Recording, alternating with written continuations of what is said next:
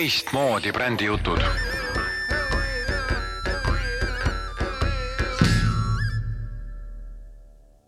ja tere kuulama, Põrguline alustab.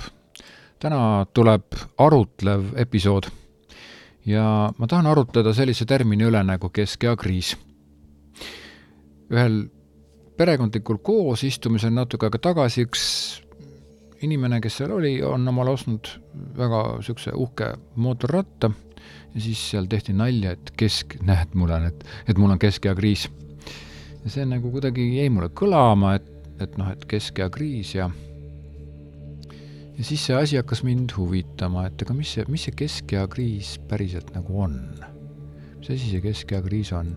ja, ja mul nimelt äh, on hästi natukene selline tunne, et see keskeakriis on mm, nagu emotsionaalne õigustus selleks, et teatud sihtgrupp ostaks rohkem luksustooteid.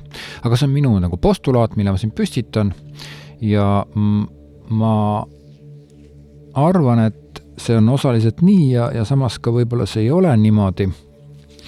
aga kui ma seda keskeakriisi hakkasin uurima, siis äh, selgus, et äh, keskeakriisile jõutas, ehk siis selle mõiste tõi välja psühhiaater Elliot Jaguez. Elliot Jaguez ja tuhande üheksasaja kuuekümne viiendal aastal. ta kirjeldas seda kui perioodi, mil inimesed hakkavad mõtlema oma elule ja sellele, kas nad on saavutanud oma eesmärgid keskeakriisi sümptomid võivad olla järgmised. rahutus ja ärevus, tüdimus ja vähenenud motivatsioon, keskendumisraskuse tunnetus või liigne uni, söömishäired, alkoholi või narkootikumide kuritarvitamine, oi-oi, seksuaalse aktiivsuse muutus, suhete probleemid, töökoha muutused, rahalised probleemid, terviseprobleemid. jah. keskmine vanus, mil inimesed koge-, kogevad keskeakriisi, on nelikümmend viis kuni viiskümmend viis aastat. ja see on nüüd nagu keskmine vanus. iseenesest tundub okei okay.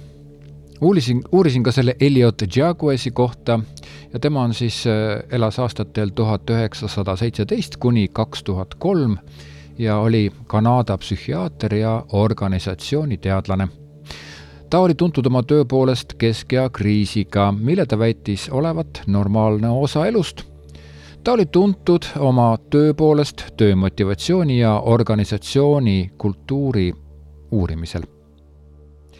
sündis Montrealis, Kanadas, lõpetas McGilli, McGilli, McGilli ülikooli meditsiinikooli neljakümnendal aastal, seejärel töötas ta psühhiaatrina Londonis, Ontarios. viiekümnendatel aastatel hakkas ta uurima töö motivatsiooni ja organisatsiooni kultuuri töötas konsultandina mitmetes suurtes ettevõtetes, sealhulgas IBM ja Shell. kuuekümnendatel hakkas ta siis eh, tegelema keskea kriisiga ja uurima seda ja väitis, et keskea kriis on normaalne osa elust, mis on põhjustatud bioloogilistest, sotsiaalsetest ja kultuurilistest muutustest. keskea kriisi sümptomiteks võivad olla ärevus, depressioon, pettumus, segadus ja ebakindlus ta kirjutas selle keskea kriisi kohta mitmeid raamatuid. Inglise keeles loen siis Middle Age and Natural Crisis. Work, Creativity and Social Justice. Reversible Time. ta oli ka mitme ajakirja toimetaja, sealhulgas Human Relations ja The Journal of Applied Behavior, Behavioral Science suri siis kaheksakümne viie aastaselt Torontos aastal kaks tuhat kolm. ehk siis keskea kriis tegelikult, nagu ma siin alguses väitsin, ikkagi ei ole nagu mingi niisugune turunduslik võte. et see on ikkagi nagu inimese päris selline asi, mis talle tuleb ette teatud vanuses, see on suhteliselt loomulik asi ja see ei ole sugugi seotud mingisuguse nagu turundusliku või ärilise sellise asjaga, mida võiks öelda, et, et see on nüüd äriline, eks ole. et see ei, see ei ole, ehk siis minu väide praegusel hetkel ei, ei pea paika. Äh, mõned ametid, kus keskea kriisi esineb kõige rohkem, on juhid, ärimehed, professionaalid, sportlased, no ma ei usu, et mõni sportlane neljakümne viie kuni viiekümne viie aastane, aga võib-olla on ka, ma ei tea, kunstnikud, tohoh, muusikategelased, no. Näitlejad, modellid, modellid. neljakümne viie kuni viiekümne viie, okei okay,, see, noh, siin võivad, võib-olla ka noorem. see mm, keskea kriis võib avalduda muideks ka nooremas eas, ajakirjanikud ja kirjanikud. Et, et miks nüüd need ametid siis on välja toodud, niisuguse täiesti niisuguse kiire uuringuna, et miks need ametid välja toodud on, need ametid nõuavad sageli palju pühendumust ja aega, mis võib viia stressi ja ülekoormatuseni. lisaks on paljudel neil ametitel kõrged ootused ja nõuded, mis võivad viia ebaõnnestumise ja pettumuseni. see kõik võib suurendada keskea kriisi riski. kuid on oluline märkida, et keskea kriisi ei esine ainult teatud ametites töötavatel inimestel ehk siis need ametid, mis ma välja tõin, see oli enim, kus kõige enim esineb, jah.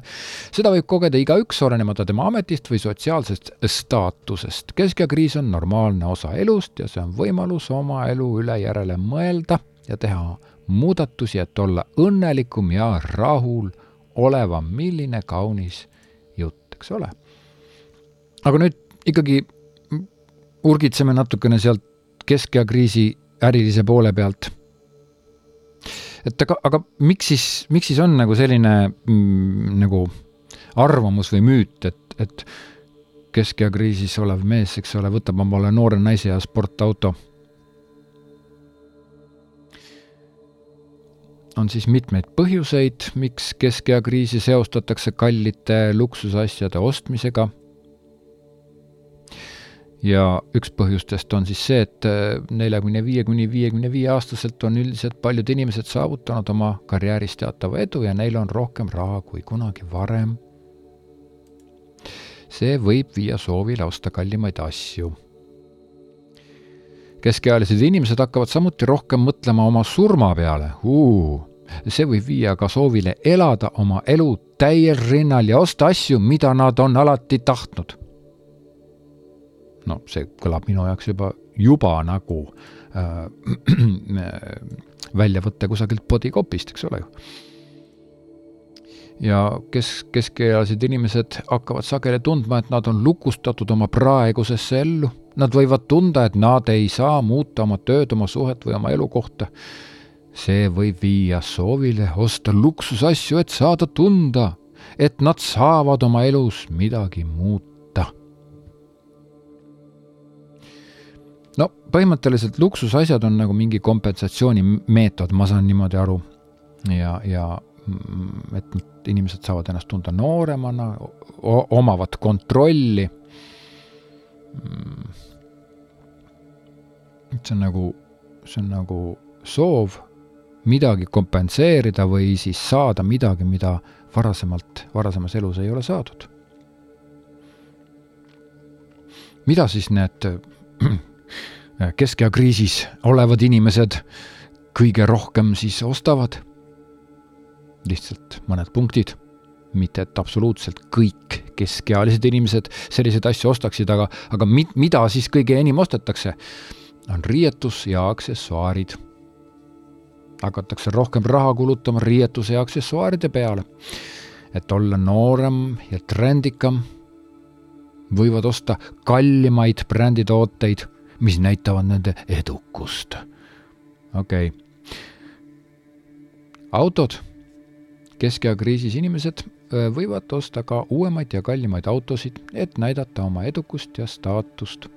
Nad võivad osta ka sportautosid ja muud, muud tüüpi autosid, mis on seotud nende isiksuse või hobidega. reisimine, hakkavad rohkem reisima, kosmeetika ja ilutooted hakkavad rohkem kulutama kosmeetikale, ilutoodete peale, et parandada oma välimust, võivad kasutada botoksi, täiteaineid ja muid ilukirurgia meetodeid. samuti pööravad nad rohkem tähelepanu ka tervishoiule, samuti hakkavad nad õppima, mis on muideks viimasel ajal minu arust üsna levinud, et, et, et ikkagi järjest noh, nagu rohkem esineb neid vanemas eas inimesi, kes tulevad koolidesse, ülikoolidesse, ma ei tea, koolitustele igale poole, eks ole hobid, keskea kriisis inimesed hakkavad tegelema hobiga ja, ja hobidega ja, ja pühenduvad rohkem oma hobidele ja, ja loomulikult ka siis ostavad kõiki neid asju, mis on seotud nende hobidega, et nad ikkagi, hobid oleks siis kaetud nagu korraliku stuff'iga, et korralikud asjad ikka. aga siin olid siis jah, mõned näited. nüüd, kuna ma räägin siis nagu mm, oma nagu kõhutunde pealt ja, ja käsitlen siin asju, mida ma otsisin, mida ma leidsin, siis äh, uurisin ka uuringute kohta, kas keegi on ka uur-, uurinud, et, et mit, mis siis, mis värk selle keskeakriisiga on?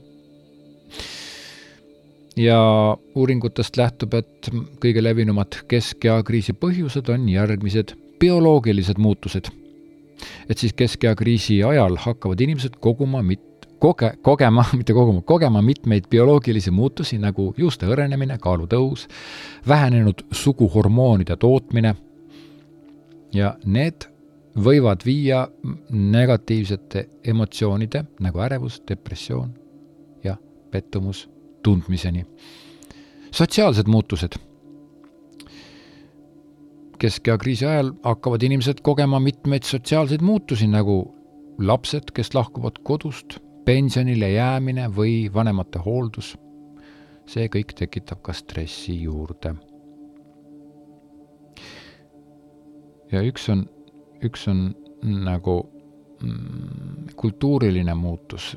ma ei tea nüüd, kui, kui kultuuriline see on, aga et, et kuna võetakse järjest mm, vastu ja, ja tuleb, no eriti see meie ajal praegult, eks ole, järjest neid uusi tehnoloogiaid, see keskeakriisi asi mõeldi välja ju kusagil vii-, kuuekümnendate, eelmise sajandi kuuekümnendatel, eks ole, siis no juba siis ju tuli kogu aeg mingisuguseid uusi asju välja, mitte küll nii tihti kui täna, aga noh, põhimõtteliselt ikkagi tuli, et need võeti kasutusele igasuguseid uusi tehnoloogilisi vidinaid ja asju ja, ja ma ei tea, meetodeid, kuidas suhelda ja nii edasi ja, ja loomulikult äh, on ka see, et, et keskealisel inimesel, kui me vaatame kultuurilist, ma ei tea, mis, kuidas see kultuuriline on, aga no okei okay., et äh, on, keskealisel inimesel on suurenev surve olla edukas.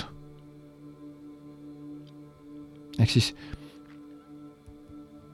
see tehnoloogilised vidinad tekitavad ju oma, omamoodi stressi, eriti nendel, kes võib-olla ei ole väga niisugused tehnosõbralikud inimesed ja see suurenev surve olla edukas, ma, ma ei oska seda kommenteerida.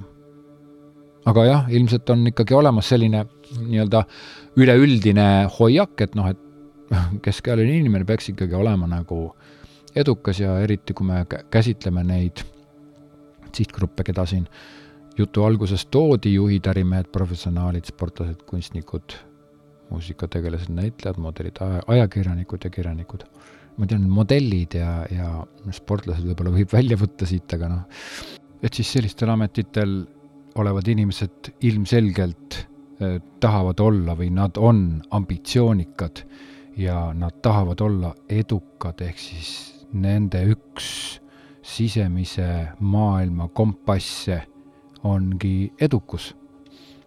niisugune, niisugune lugu siit tuli ehm kuidas siis, kuidas siis nagu ühiskond ja, ja selline psühholoogiline valdkond siis täiesti nagu paari sõnaga lihtsalt, et kuida-, kuidas ta nagu suhtub sellesse keskea kriisi, et mit-, mida siis nagu soovitatakse, et kui sa oled keskea kriisis, et on oluline rääkida sellest kellegiga, keda sa usaldad. Ja keskea kriisi üle rääkimine aitab sul mõista oma tundeid ja teha muudatusi, mis aitavad sul selle perioodiga toime tulla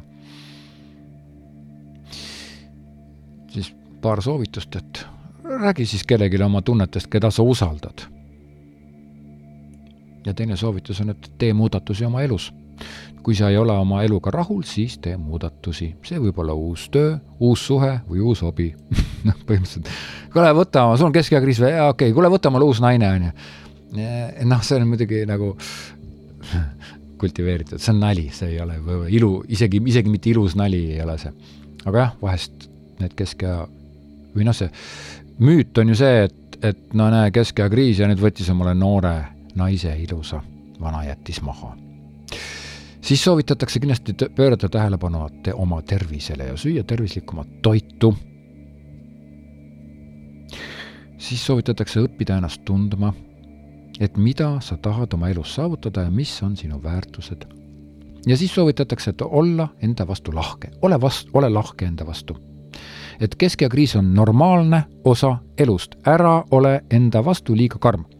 nii, see oli nüüd siis see, mida, mida nagu selline, sellised psühholoogilised ringkonnad nagu soovitavad ja hästi siuksed, hästi kokkuvõtlikud, hästi üldised, kindlasti võib-olla keegi, kes kuuleb ja ma ei tea, on asjadega rohkem kursis ja teab rohkem, et see oskab nagu kindlasti ümber lükata minu väiteid, aga need on niisugused üleüldised nagu labida reeglid. ja tegelikult kui ma siin rääkisin müütidest, siis, siis ma uurisin ka, et millised on need kõige suuremad müüdid, mis on seotud keskea kriisiga. Ja esimene müüt on see, et keskmine vanus, mil keskea kriis tekib, on nelikümmend kuni viiskümmend aastat. ja tegelik on see, et tege-, keskea kriis võib olla igal ajal, kolmekümnendatest eluaastatest kuni kuuekümnendate eluaastateni. ehk siis päris lai ampluaa on, kus ma või päris lai niisugune aastate arv on, eks ole, kolmekümne aasta jooksul, kus sul võib keskea kriis olla. Siis järgmine müüt on see, et kesk, keskea kriis on ainult meeste probleem. ei ole, see on, siin on ka toodud ära, et see ei ole. keskea kriisi kogevad ka naised, ütleme niimoodi, keskea kriisi kogevad inimesed, eks ole, mehed ja naised järgmine müüt on see, et keskea kriis on psühholoogiline probleem. tegelikult ei ole, keskea kriis on põhjustatud bioloogilistest, sotsiaalsetest ja kultuurilistest teguritest. Midagi ma siin käsitlesin niimoodi väga üldiselt, aga eks ta, eks ta jah ole. ja siis on, viimane müüt on see, et keskea kriis on alati negatiivne kogemus. tegelikult siin lükatakse see müüt ka ümber, et tegelikult võib keskea kriis olla ka positiivne kogemus, mis aitab inimestel oma elu üle järele mõelda ja teha muudatusi, mis muudavad nad õnnelikumaks ja rahulolevamaks. Keskea kriis on ikkagi normaalne osa elust. okei okay., selline väikene ülevaade keskea kriisist. sest mulle ikkagi nagu tundub, et, et keskea kriis on jube magus asi, õudselt magus asi. eriti luksuskaupade ja kallimate kaupade ja teenuste pakkujatele. ja, ja noh, nüüd võiks öelda, et loomulikult on, et noh, et mis, mis, mis seal siis halba on, eks ole, kui tal raha on, las ta, las ta ostab siis selle mingi, mis, mis iganes asja või teenuse, mis maksab rohkem ja, ja ongi, ongi okei okay,, on ju. aga tegelikult on nagu niipidi, et kui me vaatame üleüldse, kuidas inimene midagi ostab, siis äh, kui inimene ostab odava asja, ütleme näiteks autot, ostab, ei osta kallist, ostab odava auto, siis noh, mitu põhjust võib olla, eks ole, et tal ei ole raha või tal on lihtsalt, ongi mingi väga väikeste asjade jaoks on seda autot vaja ja sellepärast, et auto viib ju sinu punktist A punkti B ja that's it. kui inimene ostab kalli asja, ta maksab selle eest väga palju raha, siis inimesel, kes nagu nii-öelda saab omale seda lubada ja lubab seda omale, see ei ole ju niimoodi, et ta ostab selle kalli auto ära ja siis kukub nagu vinguma, et assa pagan, kui palju see auto maksis, no kurat küll, see oli nii kallis auto, jube lihtsalt, ma pidin nii palju maksma selle auto eest äh,. ei ole ei ole niimoodi. tegelikult on niimoodi, et inimene, kes ostab kalli asja, ta hakkab seda ostu õigustama. ja kuidas tema seda ostu õigustab? Ja, ja ma olen ka reklaamiagentuuri aastatel tõesti oleme seal agentuuris seda kohe nagu uurinud ja küsitlenud ja üldiselt ostetakse emotsionaalseid väärtusi ja põhjendatakse endale ratsionaalsete väärtustega ehk siis millegi hästi niisuguse ratsionaalse ja mitte keegi ei ütle, et ma ostan äh, mingisuguse jube kalli, ma ei tea, kakssada tuhat maksma Audi sellepärast, et, et ma, ma tahan nagu välja näha usaldusväärsem ja, ja edukam. Vaid alati öeldakse, et noh, ma ostsin omale hea auto lihtsalt, et mul on palju sõitmist ja mul on nagu vaja väga head autot. kui sa ostad kahesaja tuhande eurose auto, et siis see on kohe väga hea auto. no absoluutselt vastab tõele, jah, kakssada tuhat eurot. no võib-olla ei ole kakssada tuhat, ma arvan, sada viiskümmend tuhat on ka juba kallis ja sada tuhat on vist ka kallis, mina ei tea ka. igal juhul, ütleme, kallis auto ja üldse, auto on auto, aga, aga ükstapuha, mis kalli asja sa ostad, siis sa ikkagi ju pead endale seda põhjendama, miks sa selle kalli asja ostad. ja minu meelest, see on ainult minu arvamus, minu meelest on Kesk- ja Kriis üks jube magus põhjendus sellele, et sa ostad omale selle kalli asja. ehk siis Kesk- ja Kriis on mõnes mõttes nagu täielik turunduslik termin, kesk- ja kriis. Mitte psühholoogiline ega meditsiiniline ega, ega sotsiaalne ega kultuuriline, vaid ta on puhtalt äriline termin. inimesel on teatud selline ängistus, rahulolematus ja siis ta lahendab seda, ostes endale mingi hästi kalli asja. aga jällegi uurisin ka seda, et, et aga nagu kuidas, kuidas kuidas siis inimesed siis enne keskea kriisi avastamist ennast nagu väljendasid? et, et, et kui keskea kriisi ei olnud, et mi, mi, mi, mida nagu siis öeldi, et miks sa siis omale kalli asja ostad? ja ega ma mingisugust nagu väga tulemust ei saanud. võib-olla kusagil on mingid uuringud, ma ei tea.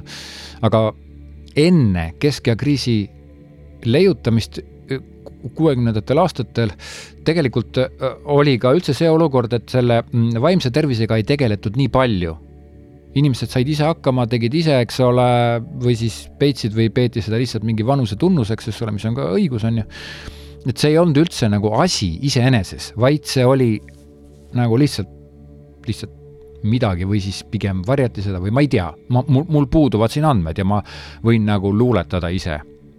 nii et, et tegelikult see keskea kriis ühtepidi on väga oluline asi minu vanuses inimestele, ma olen viiekümne viie aastane jah mm,, et nagu aru saada, mis toimub ja teiselt poolt on ta ka jube mõnus selline psühholoogiline õigustus kallite asjade ostmiseks.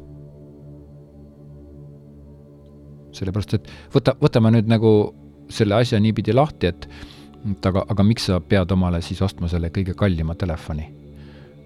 mul ei ole jällegi andmeid, aga ma pakun, et kallite telefonide kõiki funktsioone kasutab kallite telefonide ostjast, ostjatest mingisugune pisikene protsendikene ainult. kui sul on näiteks iPhone, mis see viimane on, neliteist Pro, eks ole, Max, Blacks Jacks, mis, mis iganes ta on seal, eks ole, mingi X tähega, siuksed R, võiks olla RNX iPhone veel mingi sihuke, et noh, et kas sa oled kunagi näiteks proovinud oma iPhone'il, kõige uuema iPhone'il seda äh, filmimise funktsiooni, oled sa kasutanud seda? filmiliku filmimise funktsiooni, kas sa oled seda kasutanud? ma tean üsna mitut sellise telefoni omanikku ja, ja ma arvan, et neil isegi puudub see ambitsioon seda kasutada, võib-olla korra vaadati, tehti midagi ja that's it. võib-olla see on jällegi minu ringkonna probleem, et ei olegi kedagi sellist, aga noh, kui sa võtad see tuhat viissada kuni kaks tuhat eurot, mis see kõige kallim telefon või, võiks maksta, et siis noh, kui sa mõtled, see filmimise funktsioon, siis tegelikult see filmimise, selle asemel saaks juba suht korraliku kaamera, millega sa saad seda filmilikku efekti ju juba nagu iseenesest teha ja lisaks on iPhone'i filmilik efekt ka suhteliselt selline noh, no ikka nii ja naa, olen proovinud, ma ei ole sellega töötanud, ma ei ole sellega tööd teinud, aga noh, ta on niisugune natuke areneb veel, eks ole, aga, aga äge, jube äge, jube kihvt, aga, aga no niisugune päris põhjani ta minu meelest ei lähe. võib-olla mõni ütleb, et läheb põhjani, ma ei tea seda. loomulikult, see on äge, see on kihvt asi. seega, kui sa ostad kõige kallima telefoni või kui ma näiteks ostan kõige kallima telefoni, siis ma pean seda endale ju kuidagi põhjendama see on staatus, telefon on hästi sageli staatuse sümbol, sest tegelikult kui sa nagu kasutad lihtsalt nutitelefoni, siis sa saad samasuguse funktsionaalsusega, mida sina kasutad, sa saad ka mingisuguse, ma ei tea, sota või paari sota eest kätte. samasuguse telefoni, jah. aga et miks siis maksta tuhat euri rohkem, et sa pead seda ju põhjendama endale. ja siin siin ongi see, et, et tegelikult inimese ostumehhanism ja tema psühholoogiline käitumismudel on see, et tal on vaja mitte seda kallist asja, vaid tal on vaja endale õigustada, miks ta selle kalli asja ostab. ja minu meelest on keskea kriis üks jube hea põhjendus, mida sa saad endale öelda, et mul on ju see ja nüüd võiks öelda, et nojah, et, et kas, kas, kas, kas keegi lõi mulle siis pähe selle keskea kriisiga, ütles, et nüüd sul on keskea kriis ja nüüd sa pead tegema seda teist. ei, ei, ei, see töötab teistmoodi. See on ideekene, pisikene ideekene, mis istutatakse inimese pähe, sa kuuled seda lihtsalt, sa kuuled kusagilt, aa, sihuke asi nagu keskea kriis on, aa, tehakse niimoodi.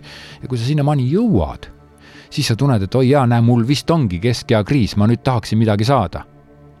Ja loomulikult, kuna see keskea kriis ongi see, kus ostetaksegi kallid ja, ja e, nii-öelda ägedad asju, tellitakse kallimaid teenuseid ja käitutakse teatud moel, siis, siis sa justkui hakkadki nagu käituma teatud moel see on umbes sama, kui Nõukogude ajal oli Leningradi lähed, läksid, siis seal oli, ütleme, suure tõenäosusega mustlasmoor, kes ennustas ette, nagu ta ennustas, et, et sul läheb hästi ja sa saad, ma ei tea, seda, teist või kolmandat või sul on mingi see, siis pärast ta ütled, näe, see ennustus läkski täide aga see ennustus ei läinud täide. sest et iga selline asi on tegelikult nagu loits. ta töötab nagu niipidi, et sinule istutatakse pähe mingi asi, et see sul läheb vaat niimoodi. ja siis sul hakkabki see asi niipidi minema.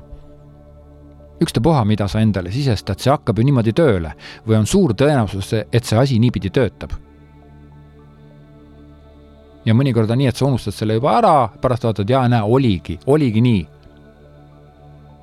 no nii võib ükstapuha mida ju öelda, ükstapuha mida. ja keskea kriis on minu arust täpselt samasugune loits, jällegi, see on minu püstitatud sihuke võib-olla natuke kibestunud postulaat, võib-olla mul on ka keskekriis, ma ei tea.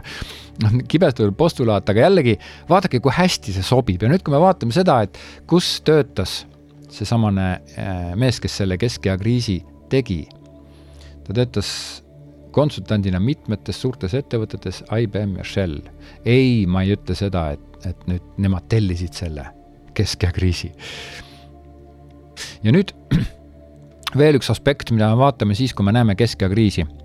see keskea kriis töötati välja läänes, jah, Kanadas, aga ta töötas ikka väga nagu kõvades kohtades, eks ole.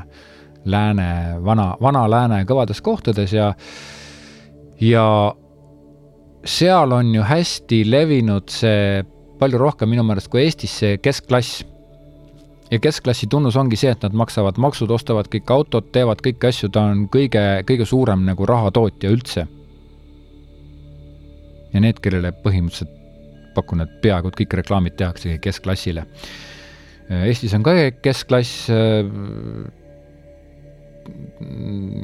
kui sa tahad teada, kus see keskklass on, siis ta elab seal nendes Tallinna lähedal olev, asuvates ilusate majade rajoonides, kus on need uued ilusad majad, kõik ühesugused. Peetri küla võib-olla ja need on need, kes käivad tööl ja, ja nii-öelda kogu aeg maksavad makse, aga nad on seda tööd teinud ikkagi selle jaoks, et nagu niisugust maja lubada, nad on ikkagi kõvasti tööd teinud selle nimel ju. ehk siis keskea ke,, keskeakriis saab olla sellisel juhul, kui sa oled läbinud teatud kadalipu ja siin ei mainita mitte kusagil seda, et jah, aga sa pead hommikust õhtuni üheksast viieni tööl käima, sa pead seda tegema kümme, kakskümmend aastat jutti. kuigi siin jah, imelik, alguses oli öeldud, et, et kellel esineb, et siis, et siis oli öeldud ka, et kunstnikel ja muusikategelastel ja näitlejatel. ma ei tea võib-olla ma eksin, võib-olla ma eksin, aga mul on natuke see tunne, et, et see keskea kriis on seotud hästi sellise mm,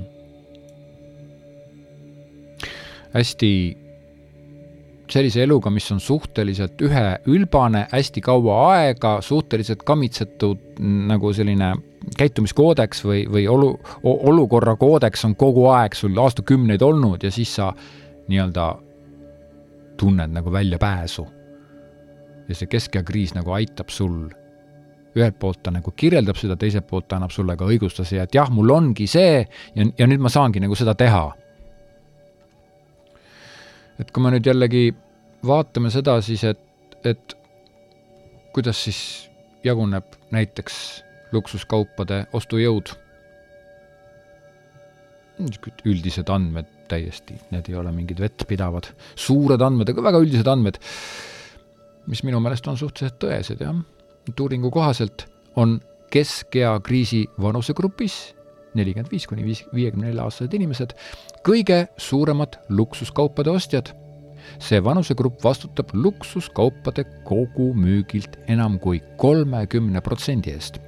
teiseks suurim luksuskaupade ostjate vanusegrupp on viiskümmend viis kuni kuuskümmend neli, ma ei tea, miks see kuuskümmend neli, kuuekümne viie aastane, ma ei tea, surm juba väga veider. aga okei okay,, viiskümmend viis kuni kuuskümmend neli. Ja see vanusegrupp vastutab luksuskaupade kogumüügilt enam kui kahekümne protsendi eest.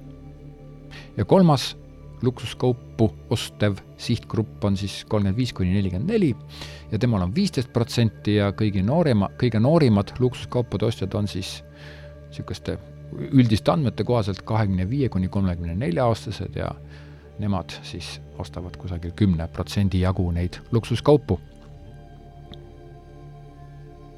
Ehk siis keskea kriisi vanusegrupp on luksuskaupade jaoks kõige olulisem sihtgrupp.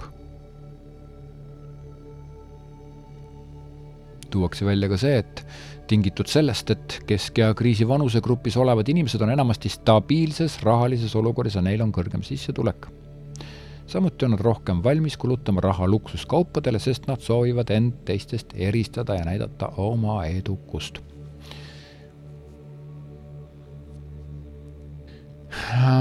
Läheme veel korra selle motivatsiooni juurde, mis on siis nagu sellist internetiuuringu põhjal Google'i uuringu põhjal. kas see on nüüd tõde, sada protsenti tõde või mitte, eks ole, noh, seda ei saa nüüd keegi öelda, jah. aga mis on siis põhjendused? et näiteks, miks osta luksusauto? et mis on luksusautot ostva inimese põhjendus? Esimene põhjendus on staatus. luksusauto on sageli kui jõu ja edu sümbol inimene tahab näidata oma edukust, ehk siis auto on staatuse sümbol, auto on nii-öelda kommunikatsioonivahend lihtsalt. noh, et kui mina näiteks tahaksin, et ma olen mingi räige, ma ei tea, kes, mingi invest-, investor ja jube rikas ja milja-, miljoneid siin teenin ja investeerin kogu aeg ja siis ma muidugi pean sõitma jube uhke autoga, on ju. Ma ei tea, võib-olla mitte, aga noh, tundub nii.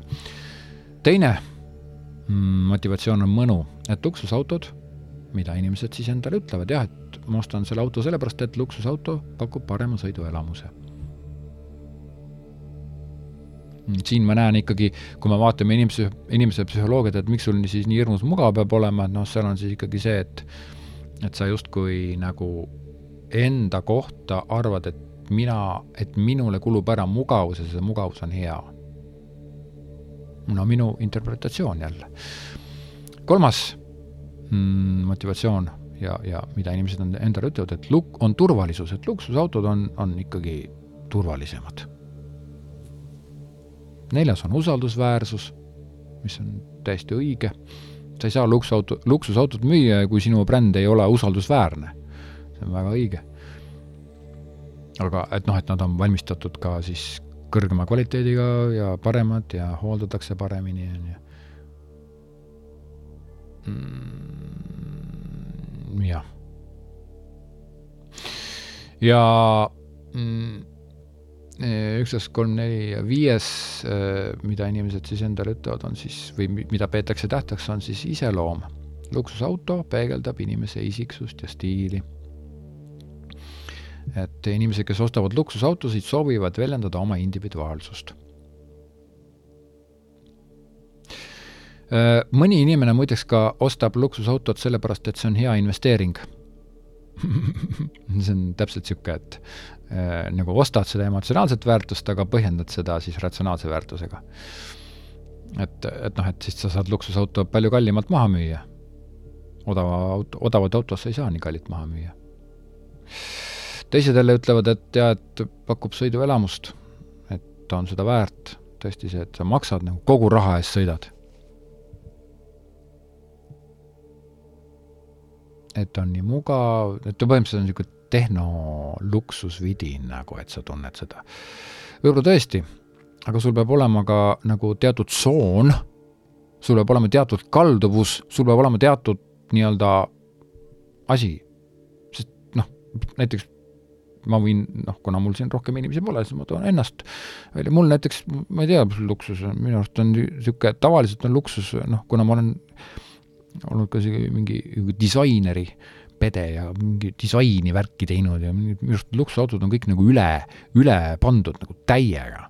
vaatad mingisuguseid ekraane, särke, värke ja kogu seda kulda ja liistu ja värki ja disainis, nad on nagu, nad on nagu imalad või, ja kõik see mugavus või noh, niisugune lollakas, et noh, et sul, ma ei tea, kõik sõidab ette, kõik läheb, kõik liigub või noh, ta on niisugune kohmakas, loll luksuslikkus, aga jällegi, see on ainult minu arust, ainult minu arust see, see ei ole nagu mingi üldine, aga jällegi, kuna ma tahan seda protsessi eemalt vaadata, siis ma pean vaatama kõiki äärmusi ka.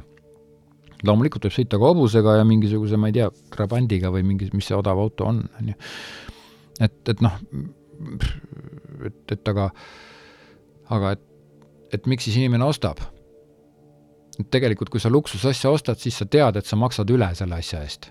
sa tead, et sa ostad midagi sellist, mida sul tegelikult vaja ei ole ja, ja võib-olla, et siit tuleb välja ka selline üks, üks niisugune argument, et mida kallim on kaup või teenus, mida sa ostad, seda suurem peab olema sinu eneseõigustus, sinu endale öeldav asi, sellepärast et sa, kui sa ostad kalli asja, siis tegelikult saab sinust selle asja apostel, prohvet ei, mitte prohvet, apostel, jah. sa hakkad käima ja sa oled uhke ja, ja, ja sa nii-öelda kaitsed kõigi ees oma ostu ja sa oled oma ostus täiesti kindel. ma ei usu, et inimene ostab mingi Lamborghini ja seal siis umbes ütleb, et kurat, ma ei tea, on kah nagu, on kah ma ei tea ta ikkagi on siis Lamborghini või Ferrari, eks ole.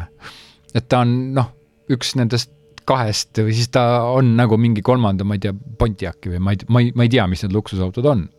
muideks ma kuulsin niisugust TikTokist jah, kuulsin niisugust toredat lugu, et et mikspärast üldse Lamborghini hakkas tootma luksusautosid, Lamborghini oli nagu, ma ei tea, mis aastatel oli nagu siis see äh, traktorite tootja, tegi häid traktoreid, aga see Lamborghini omanik, kes tegi traktorit tol ajal, oli väga suur autofänn ja tal oli suur autokogu ja sealhulgas olid tal ka Ferrarisid, ta tund-, ta tundis ka Ferrari omanikku, Ferrari tegijaid, tegijat seda pealikku seal, kelle nimi oligi vist Ferrari või ma ei mäleta, kuidas see oli, et no ühesõnaga ütles, et talle, kuule, et muidu jube hea auto Ferrari ja super ja äge, aga tal nagu sidur ei tööta hästi, et kuule, siduriga on mingi probleem kogu aeg. ja selle peale ütles Ferrari omanik talle, et, et et kuule, et aga et sa ju, mees, sa oled ju mingi traktoritootja, sa toodad ju traktoreid, et, et noh, mida sinusugune üldse nagu sidurist saabki teada. ja selle peale see Lamborghini omanik siis jällegi hakkaski kuidas, kuidas, kuidas mina ei suuda nagu luksusautot teha. hakkaski tootma luksusautosid. kas see müüt nüüd vastab tõele või ei vasta, aga väidetavalt on siis Lamborghini ja Ferrari on siis siiamaani äh, nagu konkureerivad luksus ja, ja kallite autode tootjad. kihvt, kihvt lugu, kihvt legend. nii et, et jällegi ma ei too siin, me ei löö kedagi risti, ei märgi kedagi nagu halvasti ära, igal asjal on oma eesmärk, iga inimene, kes mingisuguse ostu teeb, tal on mingisugune mm, mingi, mingi asi. aga öö, mikspärast on öö, Koplis vana puumaja ees või siis niisuguse nõuk-, nõuk-, nõukaaegse kahe-kolme-neljakorruselise maja ees mingi väga uhke Audi, mis maksab ilmselgelt peaaegu sama palju või rohkem kui see korter. ma ei tea seda. miks seal on see auto siis? miks ta ostis selle auto ja elab siis seal niisuguses nagu suhteliselt nagu keskmises ja alla, alla keskmist elamises, niisugust pilti võib-olla te olete ise ka näinud.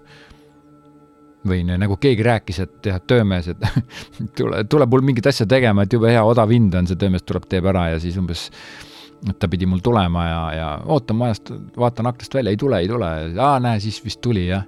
ja tuleb kohale ja see töömees, kes sulle odavalt mingit asja pakub, mingi ilgelt ägeda, suure, võimsa autoga. aga miks, miks see töömees, kes midagi odavalt pakub, miks ta selle jube uhke autoga sõitis? Et, et see, see oligi just see imelik koht.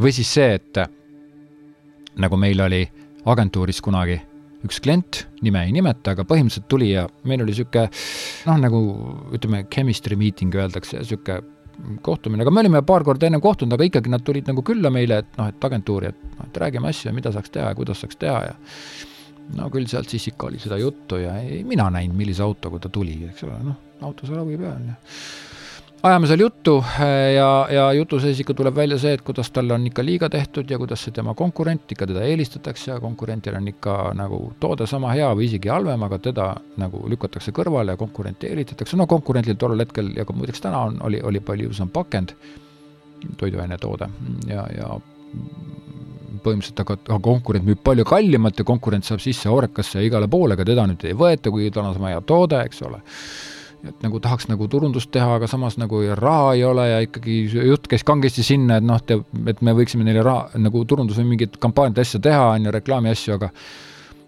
et nad nagu saaksid ka olla edukamad, näida edukamate ja aktiivsematena, aga jah, neil ei ole raha ja kuidagi seda raha ei ole ja raha ei ole ja no siis läksime ära saatma ja siis millise autoga see klient siis ikka ära puras, no see auto oli nagu ma ei tea, agentuur, milles ma töötasin, oli tookord era, eramajas, niisuguses uhkes, üsna, üsna okei okay eramajas Nõmmel auto oli peaaegu sama kõrge, millega see klient tuli, kel polnud raha, et nagu kampaaniat teha.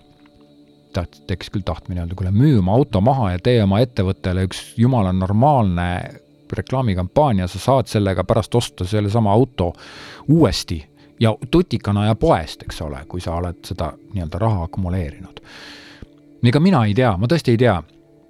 aga sageli ostavad inimesed, kellel on see jõukus seda raha, kellel on raha ja, ja, ja nagu võimalus seda kallist asja osta, ostavad inimesed, kellel ei, ostavad, ostavad inimesed, kellel on raha ja vahel ostavad inimesed, kellel ei ole raha. igal juhul pead, peab sul olema selle kalli asja ostmiseks mingisugune õigustus, sest see, kes ostab odava asja tema ju ilmselgelt teeb oma nii-öelda olukorrast lähtuva otsuse. suhteliselt nagu ratsionaalse otsuse. aga kalli asja ostja teeb mitteratsionaalse otsuse. ükstapuha, kui jabur see praegult tundub, aga kalli asja ostja teeb mitteratsionaalse otsuse, nii. tuleme tagasi keskea kriisi juurde. ma arvan, et ma praeguseks olen vaatame, palju ma siin rääkinud olen, nelikümmend kolm minutit, jumala hea küll. ma arvan, ma praeguseks olen nüüd selle teema suht läbi käinud. mida sina arvad, kas keskea kriis on õigustus, et osta kalleid asju? või et see peabki olema niimoodi, et keskea kriisis olev inimene ostab kalleid asju võib tunduda niimoodi, et, et ma räägin nagu millestki, mis on niivõrd iseenesestmõistetav, aga mina tunnen väga selgesti seda, et keskea kriis on retoorika.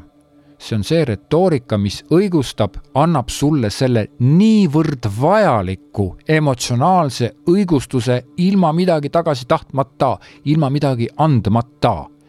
et mulle on väga vaja seda asja. ja see keskea kriis on täpselt see. Õigustuse retoorika, see on just nimelt retoorika, et seal, sinna kuulub väga palju niisuguseid komponente, niisuguseid mõttekomponente, mis tegelikult kõik viivad sinnani, et muuda oma elu, avasta ennast, tee, ole parem, tee seda asja, et ei, ära ole karm enda vastu. Mm,, avasta oma, leia oma hobi, leia oma isikupära, avasta oma isiksus, minu meelest võiks isiksust avastada ikkagi juba nooremas eas ja oma isiksust tunnetada, et vana, vana, vanemas eas oleks tunduvalt lihtsam elada, kui sa juba noorena ei pea ennast nagu vaos hoidma, vaid, vaid juba nooremas eas võiksid ennast väljendada, aga noh, jah, võib-olla siis, et siis on tegemist mingi põlvkonnaga, ma ei tea, võib-olla see ongi põlvkonnapõhine nähtus, ega mina ei tea, võib-olla need, kes täna on kahekümpised või kes on täna kümneaastased, et võib-olla need siis oma neljakümne viie kuni viiekümne viie aastaselt, et neil pole mingit noh, või keskea kriis on nii-öelda ära lahustunud, et ta enam ei ole ja nüüd siis selle episoodi lõpetuseks ma tahan öelda sinule, kui sa oled, töötad ettevõttes, et tegelikult olen ma tähele pannud, et eestlased kipuvad olema hästi sellised mm, ratsionaalsed. ühtepidi väga hea, ühtepidi väga äge. Aga see ülim ratsionaalsus sageli pärsib nende nii-öelda motivatsiooniskeemi tekitamist inimeses. ratsionaalsus ärinduses ja turunduses tähendab seda, see on põhimõtteliselt nagu Bauhof, väga tore, väga vahva pood, aga nad on selle nii-öelda karussellil, konkurentsi ja, ja allahindluste karussellil ja nad ei saa sealt välja ja nad ei müü mitte kunagi mitte ühtegi kallist asja. Nad võivad müüda, müüa odavat asja kallimalt, aga nad ei saa mitte kunagi müüa tõeliselt kallist ja luksuslikku asja, sellepärast et mitte keegi ei lähe Bauhofist ostma luksusasja omale. või kui sa nimetad mingisugust lisafunktsiooniga murutraktorit luksuseks, siis ma ei tea, kui ma tahaksin osta luksuslikku murutraktorit, no ütleme, see on siis, see on siis minu keskeakriis, jah, luksuslik murutraktor, võib-olla ma läheks kusagile, mis see on, see roheline või, või klaas, klaasitraktori ostaks omale või klaas oli jah, see Baltic Agro vist müüb neid, Baltic Machinery. ja siis, mis see, mul ei tule praegu meelde see roheline traktor. John Deere, mul ei tulnud meelde sellel hetkel, pärast ütlesin vahele, sorry. mis on see, et vot selle murutraktori, niisuguse natuke suurema, et see võib-olla oleks luksus, aga samas ta ei ole ka liiga luksus, aga no okei okay,, loll jutt. kui sa teed ja kui sa tunned, et tegelikult inimesed ei, ei väärtusta sind, siis üks asi on jah see, et sa ei, sa ei ole ennast nagu oma, oma ettevõtet väärtustanud, aga see keskea kriis on hea näide inimese õigustuse retoorikaks. ka sina pead looma omale õigustuse retoorika ja mitte ainult see, et meil on nii palju millimeetrit pikem ja meil on nii palju suurem ja nii suur allahindlus, vaid pigem inimese psühholoogiale tuginev õigustusmehhanism kõlab väga saatanlikult, eks ole, sellepärast et podcasti nimi ongi Põrguline. Tänaseks kõik, muusika nagu ikka siin Põrgulise podcastis ja kõikides teistes minu podcastides on siis saidilt helipank.ee.